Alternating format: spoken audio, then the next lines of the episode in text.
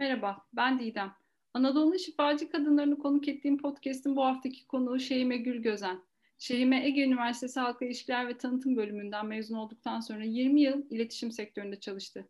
Kızının doğumuyla bir arayışa girdi. Farklı eğitimler aldıktan sonra Ayşe Nilgün Arıt'ın Temel Maya Şaman eğitimine katıldı. Şehime ile yaptığı çalışmaları ve hikayesini konuşacağız. Hoş geldin Şehime. Hoş bulduk canım. Nasılsın? İyiyim, sen nasılsın? Ben kovalım.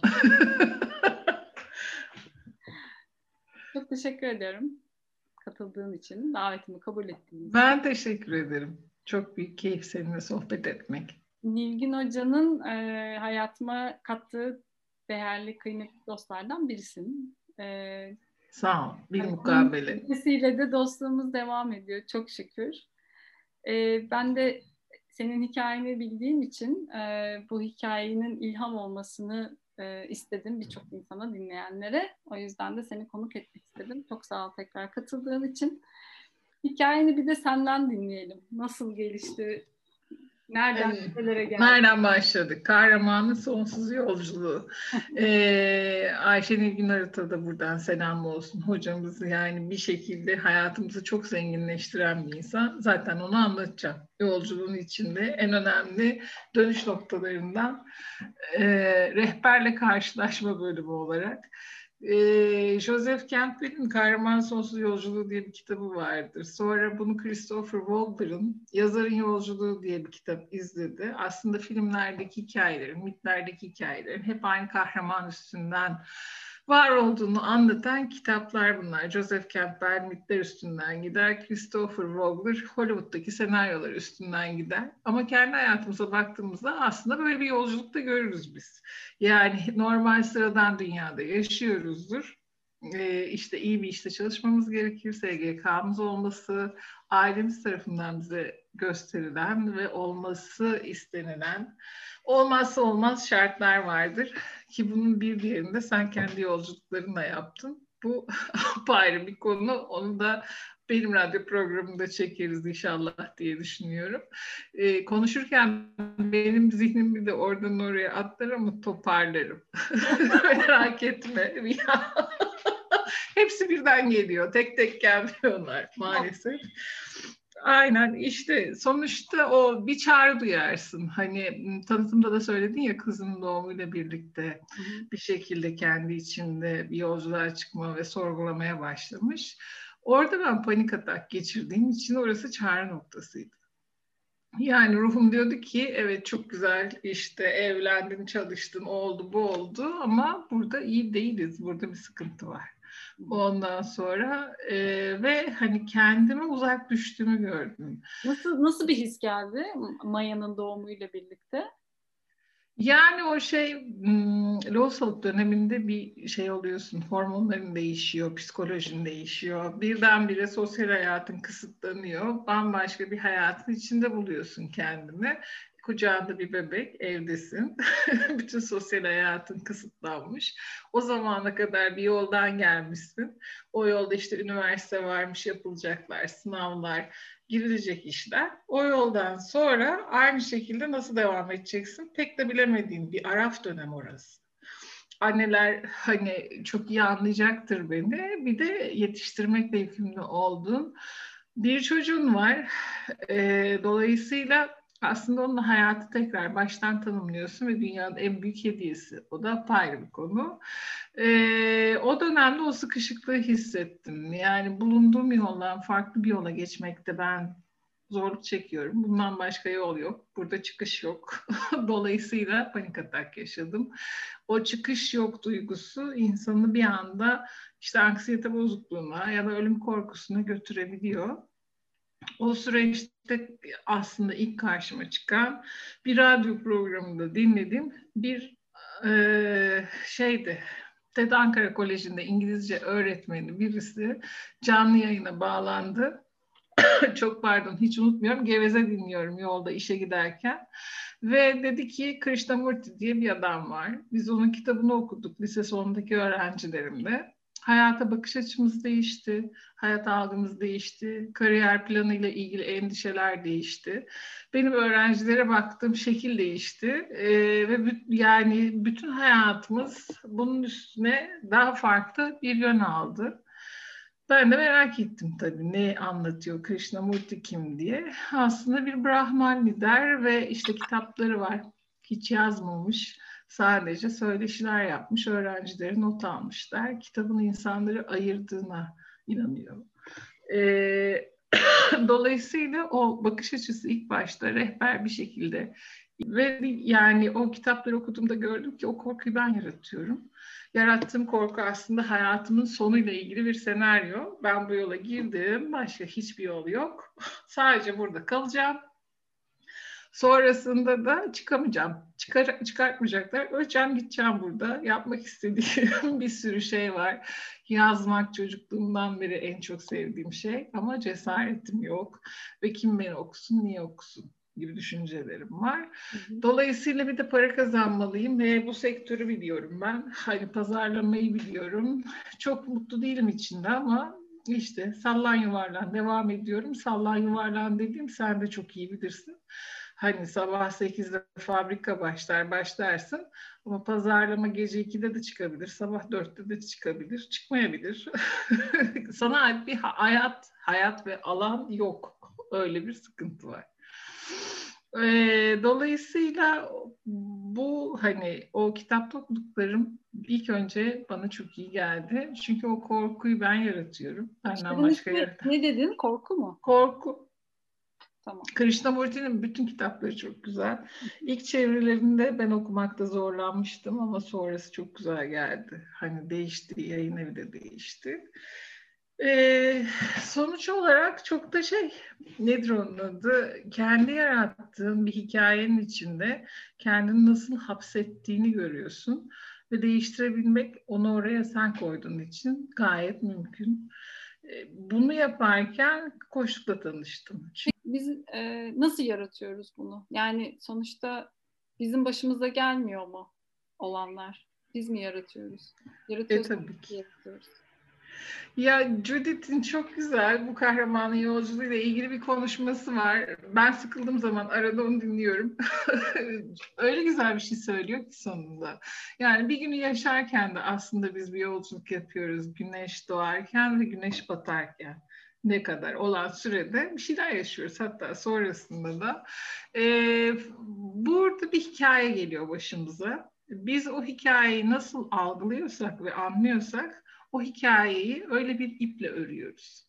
O iple ördüğümüz zaman da kendimize başkalarına anlatırken duyuyoruz ve duyduğumuz şeye inanıyoruz. İnandığımız şeyi tekrar yaratıyoruz. Yani sen bir gün işe gittiğin zaman Allah kahretsin işte maaşımı ödemediler, bu işlerde yapılacak sürekli şikayet ederek gittiğin bir dönem olduğunu düşün. Çünkü Oldu. içinden onu yapmak gelmiyor. Ben şeyi hatırlıyorum e, bir gıda firmasında çalışırken isim vermeyeyim şimdi. Bahçede hiç ağaç yoktu. Karşı fabrikanın bahçesinde tek bir ağaç var. Ve hani bu şamanik çalışmalarla falan hiç ilgim yok ama o kadim bağlar var ya seni bağlıyor. Ve bir şekilde seni hatırlatıyor. Sen kimsin, neredesin, ne yapıyorsun? Ağaca her sabah gidip ben şey diyordum. Ağaç, bir gün ben buradan çıkacağım. Çünkü her taraf cam ve açamıyorsun. Tam bir fanus. Akvaryumda yaşıyormuşsun gibi. Şey. Hiç yabancı değildim. Eminim. Her saat gözümü açamıyorum çünkü daha böyle 8'e çeyrek var ofisteyiz. Bütün fabrika çalışanlarıyla birlikte. Gözümün teki açık teki kapalı. Bir gün ben buradan çıkacağım çünkü sürekli şikayet halindeyim. Cam açılmıyor, klimayla yani her dönem, her mevsim aynı iklimi yaşıyorsun. Hı hı. Aynı kalıbın içinde yaşıyorsun. Bu insanın ruhuna iyi gelmiyor. Hele de şarj etmeyi bilmiyorsan onlardan da konuşuruz. Hı hı. Dolayısıyla bir gün evet çıktım. hani fark ettim ki dışarıda yağmur, çamur, kar var. Kendi iradenle mi çıktın yoksa? Kendi irademle, bilerek ve isteyerek. Ee, şey. bunu yaparken yani işte hani e, daha dün birkaç tane mesaj aldım bununla ilgili. Ben çünkü kendi irademle çıkmadığım için hani onu cevaplayamıyorum. O yüzden sen cevaplarsan sevinirim. Yani. Yani hani maddi bir kaygı var. Bir de senin çocuğun var. O çocuk o çocuğa bakmak için bir maddi kaynağa ihtiyacın var. Ee, Aynen. Hani kendi ihtiyaçlarını geçtim ama hani bakmakla yükümlü olduğun bir, bir can var. Buna rağmen korkmadı mı? Ben ne yapacağım? Para nereden gelecek? Gibi kaygılar olmadı mı? Aslında orası Araf bölümü. Yani hani insanın karar veremediği ve acaba da kaldığı bölüm. Geçmiş hayat seni çekiyor, o konfor alanı çekiyor. Hani ne kadar içinde işkence de görsen bir şekilde orada kalmak istiyorsun, bilirsin. Ee, ama öbür taraftan da yapmak istediklerim var. Yapmak istediklerini de geç. Zaten hani o arafta kaldığım dönemde panik atak patladı e, buraya ait değilsin. Hani hala ısrar ediyorsun. Bak önce böyle anlatayım dedi. Anlamazsam vücutta arıza çıkaracağım. önce kafada arıza çıktı. e, bunların hepsi çok önemli çağrılarmış. Yani şimdi gülebiliyorum çok şükür ama o dönem gel bana sor. Hani iki yaşından beri yüzmeyi biliyorum. Çünkü deniz kıyısında bir kasabada büyüdüm. Ve e, beni denize atsan körfezden yüzerek gelebilirim. Panik atağı nerede geçiriyorum? Vapurda. Niye? Çünkü e, karşı tarafla burası arasında durak yok. Çok uzun mesafe geçiyoruz ya 15 dakika karşıya kadar Alsancak'a. E orada durak olmayınca da şey oluyorsun hani böyle ya inemezsem ya hani nefes alamazsam veya ölürsem. E, sonra kendime baktım o dönemde psikiyatriste gitmiştim. Ve dedi ki bir bak bakalım hayatına benziyor mu? Evet benziyor yani çıkış olmadığını düşünüyorum ve bunu oraya yansıtıyorum. Cut, copy, paste ve o hani duyguyu da sen oraya yerleştirmiş oluyorsun. Yerleştirdiğini bildiğin zaman bunu değiştirmek kolay. Çünkü defans yapmıyorsun. Hani ilk başta ya ben bundan korkmayacağım, korkmayacağım deyip duruyordum. Korkmayacağım dedikçe daha çok korkuyordum. Böyle bir sıkıntı var. Sonra işler değişti. Ee, ve o korkunun içinden geçmeyi öğrendim. Dediğim gibi Krishnamurti'nin o dönemki kitabı bana çok iyi geldi. Ama hareket ettikçe bir şekilde kendine doğru soruyu sorup dürüstçe cevap vermeyi cesaret ettikçe hayat değişiyormuş. Aynı dönemde koştuk eğitimi girdi. Hayatıma bana bu soru sorma, dürüst cevap verme ve hayata daha farklı bir yerden bir şey yapabileceğime olan inancımı arttırma konusunda da çok desteği oldu. Buradan Sumur ile Violet'e de selam etmek isterim. Onlardan aldım çünkü eğitim. Peki hani e, önce kendi hayatınla başladın. Tabii ki. Yani benim farklı bir meslek edineyimden çok e, ilk başta ben bunu kendimde uygularsam başkası için de faydam olur düşüncesiyle başladı. Ama ilk Sendeki önce ben... Sendeki dönüşümü nasıl oldu koçluğun öncelikle? Yani neleri fark ettin ve neleri nasıl dönüştürdün koçluk sayesinde? Ha, yani mesela ilk ilk fark ettiğim şey, ha ne güzel bugün satış yüzdesi konuşmadığım, normal hayatta kendime sorduğum soruları konuşabildiğim bir yerdeyim. Bu bir kere çok farklı. Çünkü herkesin maskesi olduğu bir iş hayatından oraya doğru gidiyorsun. Kendi ailenle ya da arkadaşlarınla bir de sadece şunu konuşabiliyorsun. Hani sen derdini anlatıyorsun, sana ay çok üzüldüm diyor.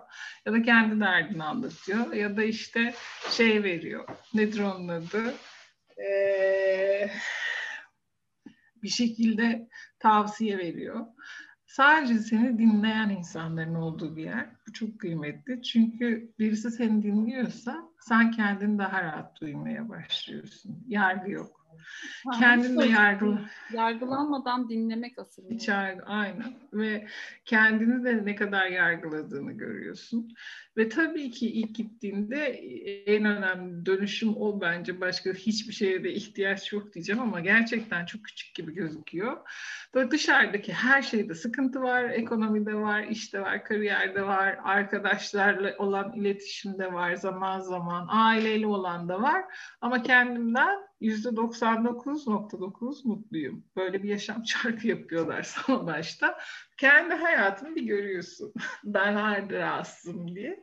Nereye değiştirmek istersin diyor. O hani arkadaşlarımı, ailemi, ondan sonra her şeyi baştan yazabilirim ama kendim süperim. Sabitim yani orada.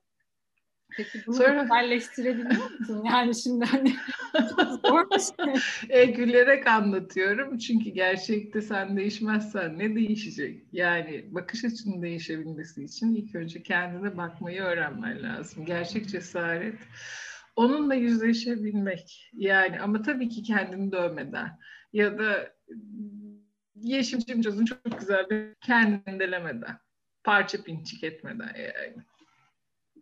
Mesela bir örnek verir misin? Ee, geçen gün bana birisi yazmış. Bunun hani bu işte kendinle yüzleşme nasıl bir şey yani ne demek? Hani bunu nasıl yapacağız e, diye bir soru gelmiş hmm. bana. Hani ben kendimce cevaplamıştım ama hani şimdi hazır konusu açılmışken sana da sormak istiyorum. Nasıl? Hmm. Kendinle yüzleşme ne demek? Ya nerede tıkanmış hissettiğini aslında sen bilirsin en iyi. Yani insanlarla iletişim kurarken sıkıntı yaşıyorsan, işine mutsuz gidip geliyorsan, ürettiğin şeyden mutlu değilsen ya da bir şey üretmek istiyorsan ama üretemiyorsan, ilişkilerinde, e, özel ilişkilerinde de sıkıntı yaşıyorsan ve hep karşı tarafı suçlu görüyorsan orası bir dur noktası. Orada bir derin nefes alıp kendine dönüp bakman gereken yer. Çünkü o insanları hayatına sen çağırdın. Suç anlamında söylemiyorum. Hani e, bunu bir sahnede sahnelenen oyun olduğunu düşün.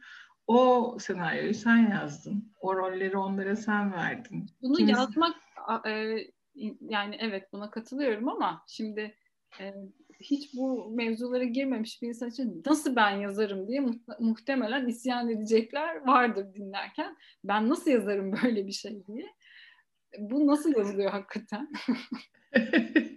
Düşünceyle işte ilk başta söylediğim o Judith'in anlattığı ip, o hikayeyi nasıl anlatıyorsan öyle yazıyorsun. Kendine anlattığın gibi başkasına anlatıyorsun Anladım. çünkü. Hı-hı. Sen o ipte kurbansan kurban olarak anlatıyorsun.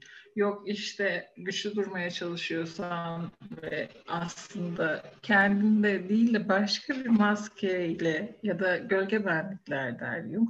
Onunla anlatıyorsun. Sakladığın hani şeyler neyse kendini. Dışarıda kendini görmek de çok zor. Yani insanın kendine bakması nerede göreceğim ben diye hep sorup dururuz ya da şey diye konuşurduk o dönem bir arkadaşım da psikoloji okuyordu. Ee, yani hep bir ben ya başkası yok mu? Her şeyin altından ben mi çıkacağım yeter artık diye. e, evet çünkü ona öyle bakan sensin. E, ona o anlamı veren sensin. Senin gözlüğünde baktığında hayat öyle evet. Ama başkasının gözlüğüyle baktığında her şey değişebiliyor yansıttığın şeylere bakmak çok kıymetli. Yani işte ilişkilerin de sana kendini yansıtıyor. Özel ilişkilerin de sana kendini yansıtıyor. Onların hepsinde kendini görüyorsun. E, hatta yani çok özel değil dinleyicilerle paylaşılabilir. E, o dönemki ilişkimde sıkıntı vardı ve sorumluluk almayan bir insanla birlikteyim ve dedim ki yani hiç sorumluluk almıyor. Benim için çok önemlidir verdiğim sözü tutmak. Bir şey imzalamama gerek yok. İlla karşımdakine o verilmiş sözü yerine getirmek isterim. Ama karşımdaki insan böyle değil. Hadi yani bunu bana açıklayın. Nasıl oluyor da bu bana beni yansıtıyor? Evet. Güzel bir örnek oldu. Teşekkür ederim. Rica ederim. ee, cevabı hiç beğenmedim Didem. Çünkü dedi ki sen kendi hayatının sorumluluğunu alıyor musun? Oo. Nasıl dedim? Yani nasıl almıyorum? Hani şu anda işte evliyim, evin sorumluluğu bende, e, iş bende, çocuk bende. Hani karşımdaki insan sanki ucundan tutuyormuş gibi geliyor. Ben sormuyorum dedi. Sen kendi hayatın sorumluluğunu alıyor musun? Ve bunu bana biraz yinelemek zorunda kaldı. E, çünkü hemen anlamıyoruz. yani dışarıda bu kadar malzeme varken ha, yani ben ne yapmış olabilirim ki? ben pür bak saf temiz bir insanım. Ee, nerede evet, nerede hayır Şehime dedi. Evet dedim. Yani her şeye evet çünkü e, istemesem de sıkıntı duysam da evet. E, kendi alanımı sonuna kadar açıp o insanları dahil ettiğimde sıkıntı yaşıyor. Karşıdakinin bundan haberi yok. Bunu yapan benim bile isteye. Sonra da bu sıkıntıyı karşı tarafa anlatmak istiyorum. Fakat işler bozulsun da istemiyorum. Ee, ama bunu tutup tutup tutup bir şekilde sonradan söylediğimde bu suçlama gibi algılanıyor. Çünkü e, sen diliyle konuşuyorum. Sen böyle yaptın, sen şöyle dedin. Bu bana böyle hissettirdi. Bunu böyle yapsak kendimi öğrendim. Daha, daha nasıl diyeyim? Transaksiyonel analizde e, içimizdeki sesler vardır işte bir anne baba sesi, ebeveyn sesi o sana sürekli ne yapman gerektiğini söyler. Bir de parmak sallar. bir çocuk sesi vardır. O da işte bana ne ya yapmayacağım işte bugün uykum var elektrik gitti, su gitti. Yetişkin de ben bunu böyle istiyorum çünkü bu bana iyi hissettiriyor der. Üç ses de var. Hani hiçbirimizde sadece tek bir tane yok. Allah'ıma şükür. e, o ebeveyn onay aldığımız nokta ne kadar aslında e, sertse biz de kendimize o sesle konuşabiliyoruz zaman zaman. Dışarıya da bunu yansıtıyoruz. Evet. Çocuk sesi de aslında yaratıcılıktır, neşedir hayata dair. Fakat sorumluluktan kaçmak için de kullanıyor olabilirsin. Neyse hani detay detay girmeyeyim. Sonuçta o seslerle de tanışmış oldum. Yani kendi sorumluluğunu Al evet, nerede evet, nerede hayır ama sen bunu kendi içinde dengeleyebilirsen dışarıya da dengeli bir şekilde yansıtabiliyorsun. Bu böyle bir süreçti. Hani Şehime ile yeni tanıştığım süreç. Düşünecek olursam o döneme kadar liseyi bitirmişim, üniversiteyi bitirmişim, bir yerde çalışıyorum. Ama ben kendimin kim olduğunu çok da bilmeden bitirmişim onları. E, dolayısıyla hayatını tekrar yapılandırmak istediğim bir sürece giriyorsun.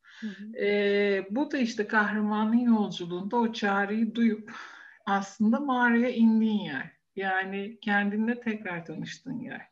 Gölgede olan taraflarını gördüğün yer. Hangi taraflarında yeteneğini geliştirmek istiyorsun? Hangi taraflarını daha yetkin kılmak istiyorsun? Onu görmek istediğin yer. Hı hı. E, ve onun üstüne de çalışman gerekiyor. Dolayısıyla o mağara aslında hem korktuğun, o karanlıktan korkuyorsun çünkü karanlıkta bıraktıklarından, kendinden korkuyorsun. Bazen kendi gücünü eline almaktan korkuyorsun. Çünkü güç eşittir sorumluluk. Artık ben bana ne ya orada kullanamayacağım mesela ya da o sorumlu ben değilim ya da işte o bana öyle yaptı diyemeyeceğim. Onu öyle yapmasının bir sebebi var. Hı hı. Dolayısıyla o güçle de tanışıyorsun ve ondan da korkuyorsun. Hani onu kullandığın zaman çünkü dışarıda suçlayabileceğin kimse kalmayacak. Ee, Joseph Campbell şey diyor, ejderhanın olduğu yer, o korkulu mağara aslında hazinenin de gizli olduğu yerdir. Hazine de orada. Hani kendimden yola çıkarsam benim için bir şeyleri anlatmak, görünür olmak ve yazmak en korktuğum şeydi. Çünkü görünmeden büyümüştüm. ya yanlış yaparsam mükemmel bir mükemmelliyetçi ebeveynlerle büyüdüğünde bir şekilde hayatına böyle bir durum dahil olabiliyor ya da öyle bir okulda okumuş oluyorsun. Hiç öyle olmayabilirler. Sen öyle olabilirsin. Hı hı. Ee, sonuçta hayatta kendine koyduğun kriterlere bağlı. Bir yere kadar da işte annem babam böyle böyle yetiştim. Bununla da çok uzun yıllar gidebilir insan. Hala onlara gücünü vererek diyeyim. Hı hı. İyi tamam kardeşim de yani. Hı hı. Hani sen şimdi ne yapıyorsun diye soruyorlar adama.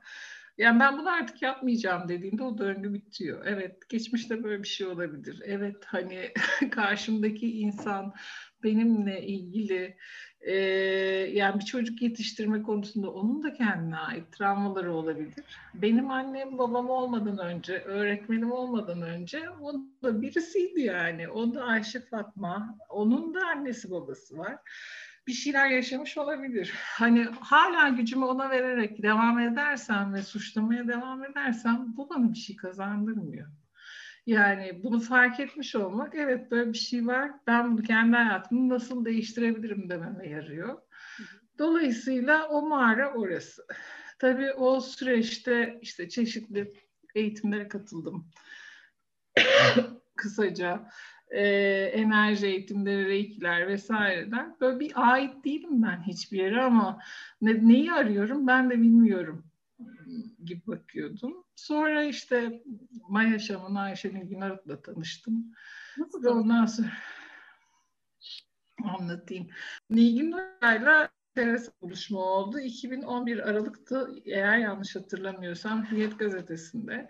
Kutsal Maya İnancı kitabının yazarıyla bir röportaj vardı. Ben oğlum olası röportajlara bayılırım. Şimdi resim çok böyle hani sanki akrabanmış gibi geldi.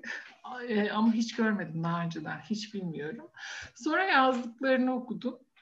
Ve o dönem işte tam bunları sorguladığım dönem. Hani işte koştuk var bir yandan, öbür taraftan bu hayatın içinden geçerken öyle hani panik ataktan ben kurtulmak istedim. Kurtulduğum gibi bir süreç değil o. Hani onun içinde yaşıyorsun bir süre ve onlarla göze alarak, bir korksan da yaparak ya da bir şekilde sana ne anlattığını anlamaya çalışarak devam ediyorsun. Benim için röportajın iki yeri çok önemliydi.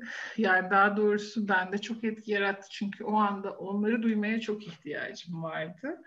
Bir tanesi e, sanıyorum 2012'ye de yaklaşıyorduk o dönemde bu felaketler falan. Böyle bir şey yok diyordu ve hani bu senaryolar, senaryolar insanlar sadece farklı bir algı yaratıyorlar. E, kendi eğitiminden bahsediyordu. Bu Meksika'ya gidiyor Nilgün Hoca. Senelerce şey yapıyor. Burada özel bir ilaç şirketinde üst düzey yönetici olarak çalışıyor ve oraya sanıyorum turist olarak gidiyor. Sonra orada hocasıyla tanışıyor. İlk önce onun koluna bir bilezik takıyorlar. Bilezikte ziller var ve hocası ona her seslendiğinde e, şimdi ve burada olduğunu anlatmak için işte şu an için söyleyecek olursam atıyorum ben Şehime Gülgözen şu anda 17 Aralık 2020 Bostanlı'dayım. Şimdi ve burada olmak çok kıymetli bir şey. Yani ne geçmişin ah şunu da yapaydım da bunu da bunu söyleyeydim pişmanlığı ya da işte üzüntüsü, suçluluğu ne geleceğin keşkesi. O buraya gelebilmek çok kıymetli bir şey. Çünkü sürekli kafamızdaki yer değirmenlerine karşı yaşıyoruz gibi bir durumumuz var hepimizde. O beni etkiledi ama ondan sonra sonuna doğru siz nasıl şaman oldunuz diye bir soru vardı. Hı hı. Dedi ki, demiş ki bizde hani e, şaman ben şamanım diye dolaşmaz ya da işte ben şaman oldum diye bu bir sertifikaya ya da pardon bir belgeye dayalı değildir.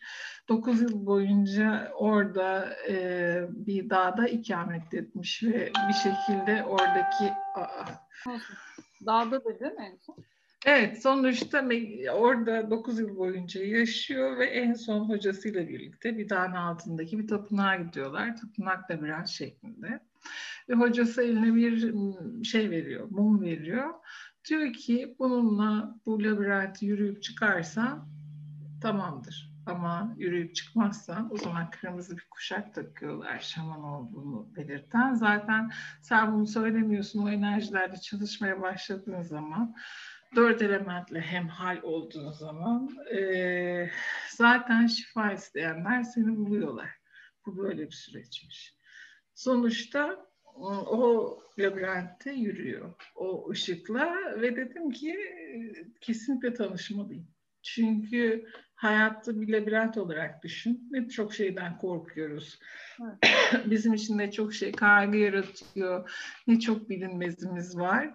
Karanlıkta hiçbir şey olmadan ve hiçbir şey korkmadan kalbin ışığını temsil eden bir mumla yürümek bana çok kıymetli geldi. Dolayısıyla da Google'ladım. Google'lamayı ilk o zaman öğrendim. Biraz geç olabilir başkalarına göre ama 2011'de buldum Facebook'tan hesabını dedim ki o kadar tanıdık geliyorsunuz ve sizinle tanışmayı çok istiyorum. Çok etkilendim. Röportaj kitabını da okumak isterim. Hı hı. Dilerim bir gün yollar kesişir yazdım. O da kesişti bile yazdı. 15 dakika sonra. Böyle bir bağlantımız oldu. Ama tabii ki sonra işte Maya Şaman İnancı sayfasını açtı Facebook'ta. Onu takip etmeye başladık. Sonra eğitimler başladı. Ee, eğitimler yani bu hayat boyu süren bir şey. Kendini tanıman, başka e, doğayla bağlantı kurman, kendinin yansımalarını başka şeylerde görmen. Dolayısıyla talebelik devam. Ee, nasıl? Böyle de devam ediyor çok şükür. Biraz peki Maya şamanizminden bahsedebilir misin? Hani nasıl bir şey? Yani merak edenler olabilir diye sormak istedim. Yani şamanizm e, aslında hani birbirinden ana olarak çok fazla ayrılmıyor sonuçta. Her şeyin tasavvufun e, ana inancıyla aynı şeyi söylüyor diyeyim. Hepimiz aynı bütüne aitiz. Hepimiz o bütünün parçasıyız. Ve o bütün bizim içimizde. Mevlana'nın dediği gibi hani hem okyanusun hem okyanusun içindeki o damlanın içinde bütün okyanus var. Hı hı. Bunu anlatıyor. Hiçbir şeyin senden daha üstün ya da daha aşağıda olmadığını, hepsinin bir şekilde birbiriyle aynı ışık tanıklıklarla bağlı olduğunu, hatta şimdilerde kuantum da bunu anlatıyor. Hı hı. Peki e, mesela bu çalışmalardan bahseder misin? Sen kendi çalışmalarında nasıl kullanıyorsun e, Maya Şaman çalışmalarını? Yani aslında şöyle e, kendimde benim yaptığım şeyi en doğru tarif edebilecek olan yaralı şifacının yaptığı şey. Hani daha önce ben o yollardan nasıl geçtim, kendimde o yaraları nasıl sardım, başka insanlara yol arkadaşlığı yapıyorum. Kendi yaralarını sarabilmelerinde. Hani kendi içimde mesela yalnızlık duygusu çok yoğundu. Ee, kaygımın çok yüksek olduğu zamanlarda. Ben yalnızım yapamam gibi bir cümle atamışım çocukluğumda kendime. Ee, doğayla bağlantıyı hatırladığım zaman, çünkü doğadan çok kopuk yetişiyoruz işte hani teknoloji, yüksek binalar, sürekli yetiştirilmesi gereken yerler, hız ve hiç doğanın içinde yani bir kıyı kasabasında yaşadım. Gördüğüm en büyük doğa denizdi. Hani ama onun dışında ormanla, toprakla çok fazla ilgim yoktu. Ee, o bağları hatırlayıp ormana gittiğimde kendimi çok iyi iyileşmiş hissettim. Şifa orada. Yani şifa insanın kendi içinde ve o kendi içindeki saklı bağlarda hayat bana ne gösteriyor? Aslında doğaya bakarak anlamaya, duymaya, görmeye başladım. O zaman anladım ki yalnızlık aslında yine insanın kendisinin ürettiği bir süreç. Kendisinin koyduğu kavramlar, kendi korkuları. Aslında her şeyle bir bütün. Sadece hatırlamıyor. Peki mesela hani ağaçla nasıl bağ kurarsın ya da Hani onu nasıl anlarsın? Bu çalışmalar nasıl oluyor? O çalışmalar ki sen de çok iyi biliyorsun. Bana resimlerini atıyordun gittiğin yerlerden. O yani bir yere gittiğinde aslında bütün ağaçlar bir şekilde seninle iletişim kurar ama buna niyet etmek çok önemli. Her şey niyetle başlıyor. Bağlantı kurmaya niyet etmek çok önemli. Ee, sonuçta o niyetle o yola çıktığın zaman bir tanesi diyor ki içinden öyle yakın hissediyorsun. Hani işte hiç tanımadığın birisini görüp ya ben sizi sanki bir yerden tanıyorum demek gibi bir şey. Seninle benim aramda da oldu. Yani sanki ben seni çok uzun yıllardır tanıyorum. Ailemden biri miymişsin gibi. Hiç o siz biz Aydidem Hanım falan gibi şey hiç olmadı. sanki kız kardeşim Ağaçta da öyle. Orası ailem. Yani hani orası yeşillik. Eskiden benim için yeşillik bir alandı. Ama şimdi gittiğim zaman bu arkadaki park da olabilir. Değişen çok bir şey yok ama orman tabii ki daha farklı. Ailemin içine gidiyormuşum gibi hissediyorum. Ve orada gerçekten bir ağacın köküne oturup sırtını dayamak bile insana iyi geliyor. Sana sırt veriyor. Peki şey bu tarz çalışmalarda benim de çok hani düştüğüm bir nokta vardı. Bu gerçek olamaz. Bunu ben yaratıyorum ya da ben uyduruyorum gibi bir e, his ve düşünce oluyor insan içinde. Yani şimdi hani ağaç bana ne desin? ya da işte ya da şaman, yeah. şaman yolculuklarında işte hani rehber hayvanından ya da nagual diyelim. İşte o sana bir mesaj veriyor. E şimdi bu doğru mu? Ya bu mesajı ben uydurduysam?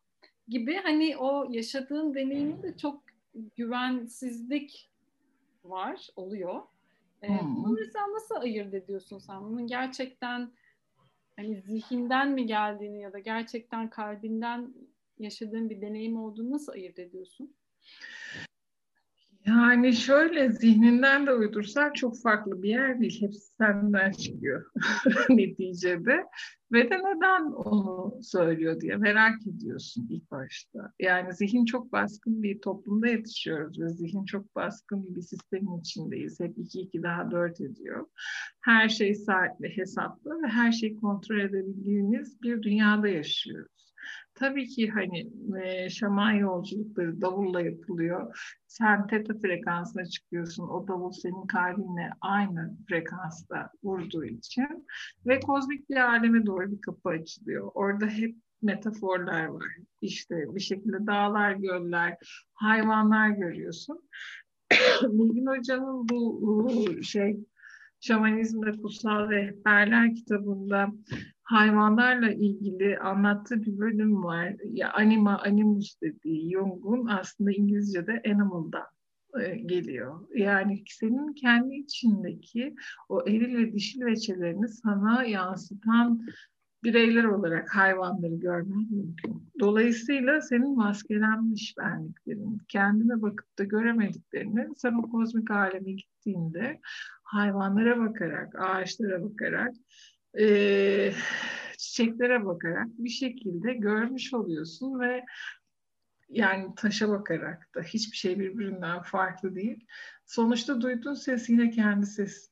Senden farklı bir şey yok ki hayatta. Yani sen varsın, onlarla birlikte varsın ve bir ağacın yanına oturup konuşan da aslında senin kendi e, bilincin, onunla bağ kuran Ama bilincin. Bu, e, bu tereddüt içinde olmamız da kendi sesimize güvenmememizden mi kaynaklanıyor sence? Evet yani çünkü zihin bildiği yerde çok mutlu. Hani burası çok güzel. hani çok dertli olsa bile güzel. Biliyorum çünkü her şey neden sonuç ilişkisi içinde. Evet. E, ama oraya gidelim dersen orayı bilmiyoruz. Orası çok sakat. Yani şimdi kim konuştu? Niye konuştu? Ben tanımıyorum ki o konuşan kişiyi. Daha önce yoktu. ya da varsa da çok duymuyordum gibi. O konfor alanında kalmayı çok seviyor zihin. Ve e, zihinden mi geliyor yoksa kalpten mi geliyor da çok soruyorlar. Başka hani meditasyonda ya da başka bir yerde. Evet zihin hep neden uydurur. Yani işte bu çünkü bundan. bu böyle çünkü bunu seviyorum çünkü bu yüzden. Halbuki aşk da böyle koşulsuz olan. Yani hiçbir sebebi yoksa aşıksın. Gerçekten aşıksın. Öbür türlü kendini tatmin edecek bir sebep arıyor olabilirsin.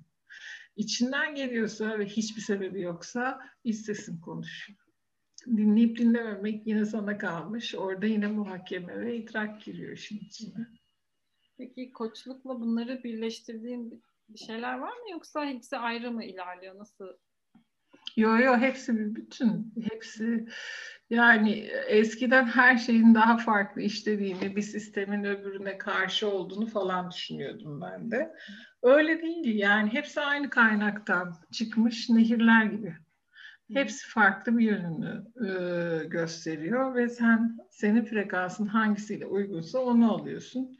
Dolayısıyla ben bu yolda kendime iyi gelen ne yaptıysam, kendi üstümde neyi denediysem ya da işte neden sonuç aldıysam bunu paylaşıyorum. Bunu bireysel seanslarla da yapıyorum, atölyelerle de yapıyorum. Çünkü bir insanın ancak koşulsuz sevildiği yerde çiçek açtığını biliyorum.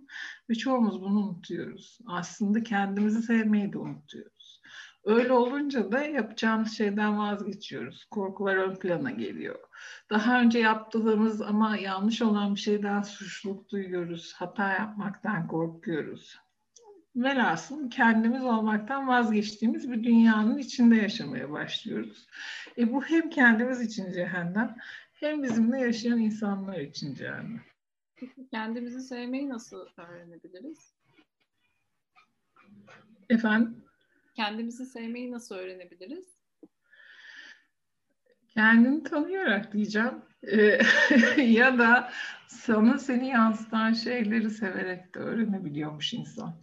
Kendimden yola çıkarak söyleyeceğim. Hani şu ağacın güzelliğini ve muhteşemliğini görüp onunla aynı dünyada varsın ve birsin ve iletişim halindesin.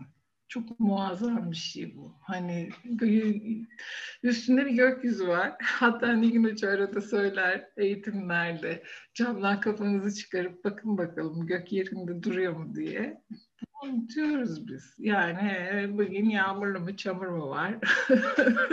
ya da işte e, mahallende kaç tane ağaç var, onların isimlerini, sen onları hiç görüyor musun? Günaydın, iyi akşamlar diyor musun? Bunlar hep çok kıymetli şeylermiş. Seninle konuşurken tam karşımda çam ağacım var. O benimle konuştuğunda kafayı yediğimi düşünmüştüm. Bak, e, kentsel dönüşüme girdi arkasındaki apartman. Ve bana dedi ki burası kentsel dönüşüme girecek. Kolektif bilince bağlanıp oradan bir bilgi alıyorsun esasında. Ve buna bir kanal açılmış oluyor. Hayatına bir şekilde semboller, konuşmalar, farklı bir halde giriyor. Ben de dedim ki daha yeni uyandım herhalde rüya görüyorum kendi kendime. Sonra e, ama ağaçta konuşmaya da devam ettim. Yani dedim bu apartmanı yıksalar öbür yandakileri de yıkmaları gerekir. Mantık çalışıyor. Eğer sadece bu apartmanı yıkarlarsa öbürleri çöker. Sen merak etme yıkılmaz dedim acaba. Kafa süper. bir hafta sonra F yapının e, brandasını gördüm. Apartman kentsel dönüşüme girmiştir diye e, küçük dilim yutuyordum. Karşı apartmandan da o saate kadar kimseyi tanımıyorum ama. Ondan sonra e, öğrendim ki ben komşu olarak şikayet etsem de onların ağacın kesilmemesi için bir şekilde başvuruda bulunmaları gerekiyor ve fıstık çamını kesmenin cezası var. Adama telefon ettim müteahhite. Dedim ki lütfen kesmeyin. Hani biz her sabah ona uyanıyoruz. ona günaydın diyoruz. Ona iyi akşamlar diyoruz. Adam beni çok romantik buldu tabii. e dedi ki ya temaya hani bir bağışta bulunurum. Olur biter. O dedim pek öyle değil yani sonuçta hani hayatımızın bir parçası. Apartman sakinleriyle de konuştum e, kiracı olursam senin imza geçerli değil, ev sahiplerinden toplanması gerekiyormuş falan. Neyse orman müdürlüğüne gittim. Bütün imzalar toplanamadı tabii ki. Bir kısmı Almanya'da yaşıyormuş. Ondan sonra ben basından geliyorum dedim. Yalan bir param bunun için söylenebilir ama. Çünkü hani istedim ki dilekçeme numara versinler ve ciddiye alsınlar konuyu. Ve o dönemde çok destek olan arkadaşım da oldu. Biz bu ağacı taşır mıyız? Yazdım çünkü Instagram'da. O anlamda da benim için kıymetli. Onun hakkını savunmak için yazma cesareti gösterdim e, kendi kendime bir şey yazmak için o cesareti daha önce gösterememiştim ve ifadenin ne kadar kıymetli bir şey olduğunu da orada anladım. Aslında o hayatını idare ettiğin nokta. Boğaz çakram. Yani ne hayır ne evet, neyi neden yapıyorsun. E, oldukça kıymetli Peki, söyleyebilmek. Oldu. Şey oldu şöyle ki hani tabii ki taşınamıyormuş kazık köklü olduğu için onu ekecek yer bulamadık. Belediyelerle konuştuk. İzmir Belediyesi'nin ağaç taşıma aletinin olmadığı bunun bir iş makinesi olarak İstanbul'dan günlük bilmem kaç bin dolardan kiralanması gerektiğini falan öğrendik. Sonra yıkmaya başladılar. Bir akşam forkliftler geldi ve binayı yıkmaya başladılar. Ben de oturup hüngür saçık ağladım. Sabah kalktığımda o ağaç gidecek. Öyleymiş gibi geldi. Ama ağaca bakıyorum böyle üstü ışık ışık o yaşam enerjisi devam ediyor. Diyorum ki içim böyle istiyor. Ondan böyle görmek istiyorum ben. Ondan sonra aslında öyle bir bilgi yok orada. Sonra baktım forkliftler bizim bulunduğumuz ön kısmından değil binanın arkasından tırmanarak yıkıyorlar ve ağaç duruyor. Bir aradım. Ee, dediler ki o kadar çok aradınız ki biz o ağacın e, uğurlu olduğuna inandık ve kesmemeye karar verdik. Böyle bir bilinç var. Hani eğer bunun için samimiyetle e, titreşiyorsam bu algılanıyor karşı taraftan. Çok da hoşuma gidiyor. Hani şamanik çalışmalar en çok bunu öğretti bana. Hı hı e, o bağlantıyı kurduğun zaman, o iletişimi kurduğun zaman aslında seninle başka insan arasında, kendinle kendin arasında önce kurup sonra başkalarıyla, doğayla, her şeyle aynı iletişimde titreştiğini, bağlandığını görüyorsun ve tabii ki hani sanatla uğraşan insanlar bu konuda bize ilham olmak için de buradalar. Onda ne kadar kıymetli bir kanal olduğunu fark ediyorsun. Böyle bir süreçti. Mağara bunları gördüm, duydum, hissettiğim, kendi gölgelerime baktığım, gerektiğinde bir ok, yay ve sadakla insanın kendisini kim olduğunu görüp ortaya çıkarmayı göze alıp hatta ava çıktığı yer olarak tabir edebilirim, tabiri caizse. Ee, sonra da dönüş başlıyor. Tabii ki sen bıraktığın yerdeki insan değilsin Evet. Yani aynı yere dönmen çok zor. Dönsen de orası dönmek istediğin yer değil. Sen artık kendi yaptığın, yapılandırdığın, kendin içinde yaşadığın dünyayı dışarıya aktarmakla mükellefsin. Bu birazcık bir tohumun yolculuğunu da hatırlatıyor bana. Yani bir ağaçtan düşüyorsun, toprağa karışıyorsun ya da işte bir suya düşüyorsun, bir yerlere gidiyorsun. o yolculuk esnasında bir sürü şey yaşıyorsun. Hayatına engelli atadığın şeyler de çıkıyor, zorluklar da çıkıyor. Ee, o yolda ne kadar gitmekte samimiysen bir şekilde seni bir yere götürüyor. Sen yine o ağaç olarak orada büyümeye devam edeceksin ama o ana ağaç değilsin artık onun hani buraya getirdiği, işlediği, işte rüzgarla oraya sürüklediği, suyla beslediği, güneşle ısıttığı ve toprakla köklendirdiği şeysin. Onu da orada kendin olarak ortaya koyman gerekiyor. Kısaca böyle bir yolculuk bu. Bu yolculukta yol arkadaşlığı ediyorum ben. atölyelerde var. Atölyelerde de yaratımın 8 odasında biz çok küçücük bir kuple yapmıştık o gün meditasyonla ve Urla'da. Öyle yapmamaya da karar verdim. Nasıl yapmayacağını da öğreniyorsun bazen. Çünkü derinleştiği zaman insanlar onu konuşmak, paylaşmak ve daha uzun bir zamana yaymak istiyorlar. Dolayısıyla şimdi dört hafta süren bir atölyeler yapıyorum bu programı ne zaman yayınlayacaksın bilmiyorum ama bu yolculuğu, kahramanın yolculuğu gibi Instagram'dan anlatıp bunun tanıtımını yapmaya da başlayacağım yarın itibariyle. Hı, süper. Ee, benim sorularım bu kadar. Senin eklemek istediklerin var mı? Bu yola çıkmak üzere olan ya da çıkmış olanlara söylemek istediğin bir şey var mı? Valla bunu bu programı e, çağrı olarak hisseden, kalbinde küp küp attıran varsa e, yollarımız kesişsin dilerim. Mutlaka bir sebebi vardır. Tıpkı senin de kesiştiği gibi çok şükür iyi ki kesişti. Çok teşekkür ediyorum bu fırsatı bana verdiğin için. Senin sormak istediğin ya da söylemek istediğin benim dağıttığım bir yer varsa toplayalım. Gayet güzeldi. Dilerim ki ilham olur bu hikaye ve hani mutlaka ki eminim aynı benzer şeyleri yaşayan insanlara da çok dokunacak diye düşünüyorum. Söyledikleri. İnşallah. Çok isterim. Ee, bir de parmak izi podcast'imi dinlerlerse de sevinirim. Hani onda tamamen gerçek hayattaki insan hikayeleri beni çok cezbediyor ve geleceğe taşınan e, izleri ne de taşıyorlar. Mesela seninle de yolculuklar üstüne o röportajları yapmak isterim. Kişisel gelişim sadece aslında kitaplarda okuduğumuz çeşitli teknikler değil. uygulayarak içe döndüğümüz şey değil. Ben oradaki üretim, işte sanatla e, üreten, kendi kalbinde aşk duyup bir şey dönüştürerek işte o tohumu büyütüp kendi ağacını ortaya koyan insanların parmak izini anlatmak istedim Hı-hı. ki ilham olsun. Onu da dinlerlerse sevinirim. E, Spotify'da ve Apple Music'te ne ulaşabilirler parmak izi diye? Aynen. Spotify, Music, Google Play koyuyormuş Ankor. Ee, diğer hani uygulamaları mesela Podbean falan var. Onlara nasıl giriliyor bilmiyorum. Bilirsem gireceğim bir gün inşallah. tamam. Oradan dinleyebilirler o zaman. Aynen. Çok teşekkür ederim. Çok ben teşekkür ederim. Çok keyifli bir sohbetti. Benim için de öyle. Umarım siz dinleyenler için de öyle olmuştur. Bir sonraki podcast'te görüşmek üzere. Hoşçakalın. Hoşçakalın.